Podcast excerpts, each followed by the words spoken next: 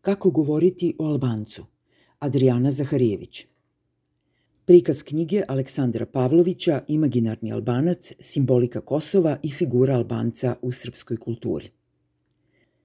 Počnimo od naslova ovog prikaza, koji bi preveden na drugi jezik verovatno zvučao čudno, možda i besmisleno. Moglo bi se reći kako o Albancu, tako i o Turkmenistancu, Novozelanđaninu, Surinamcu – Ako se ima šta reći, to će biti opis iz folklora i društvene geografije. Međutim, postavljeno na ovom jeziku i na ovom prostoru, pitanje i tekako ima smisla, a govor o Albancu nije isto što i sricanje opštih podataka o broju stanovništva, privrednom potencijalu i običajima jedne susedske grupacije. Albanac je naš veliki drugi, naš najveći drugi. Govor o njemu je govor o simbolu, o figuri i sam ispresecan nebrojanim figurama – Albanac je tako reći stalni epitet govora u Srbiji. Aleksandar Pavlović nas ne suočava s Albancem, već s onim što se u njemu kazuje. Imaginarni Albanac je lik koji smo izmislili, koji zamišljamo i od njega strepimo.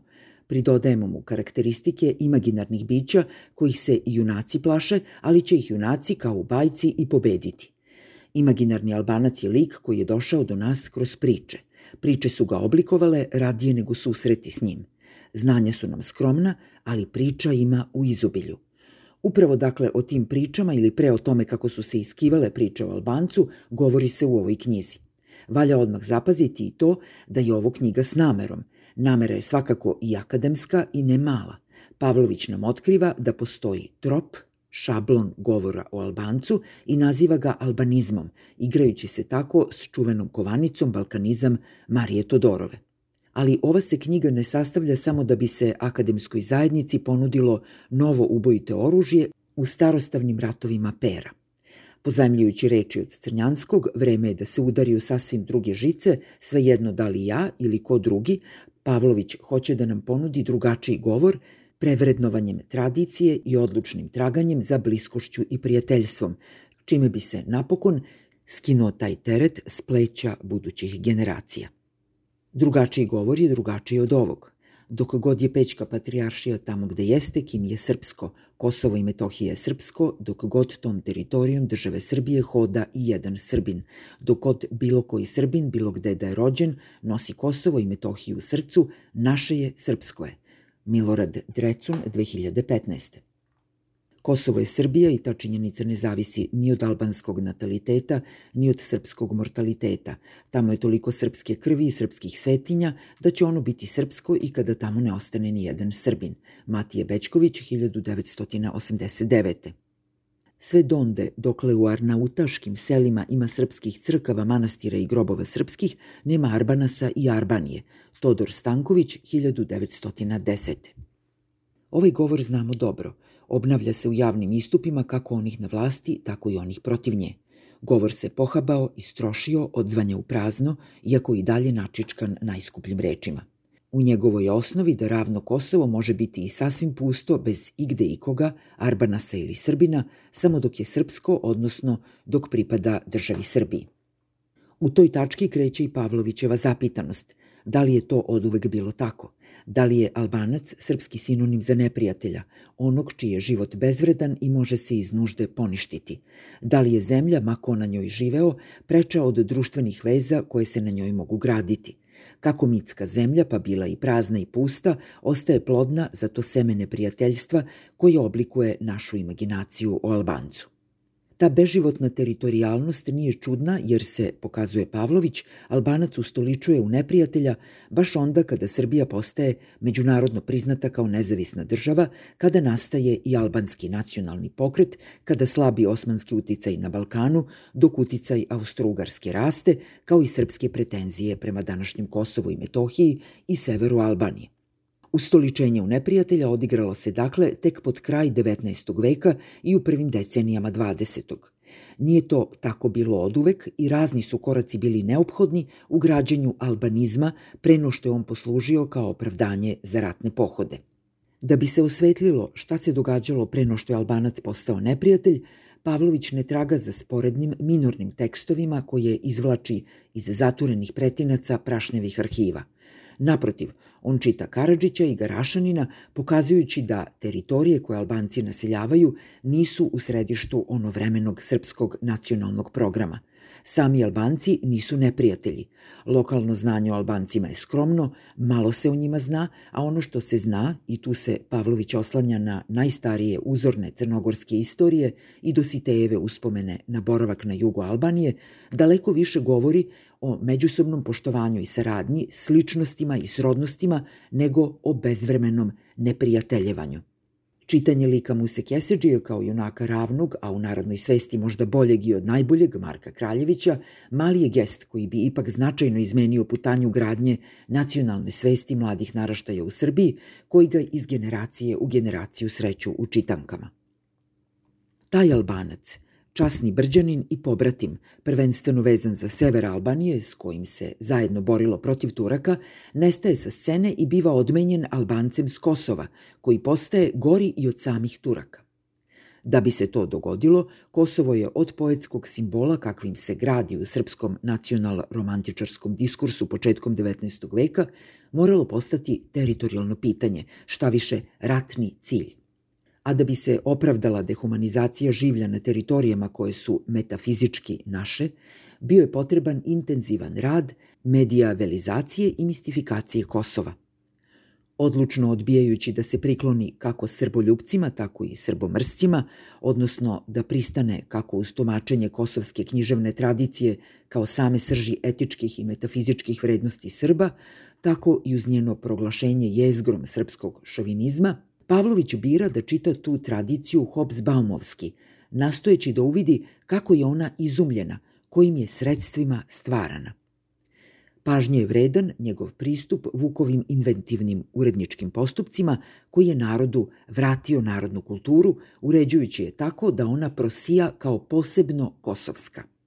Vukova formativna uloga u kanonizovanju kosovske epike u njenom sadašnjem obliku govori nam nešto o ulozi učenih ljudi, današnjim rečnikom intelektualaca, u uspostavljanju narodnog sećanja i narodnih vrednosti koje su potom mogle biti upotrebljene da legitimišu političke pretenzije.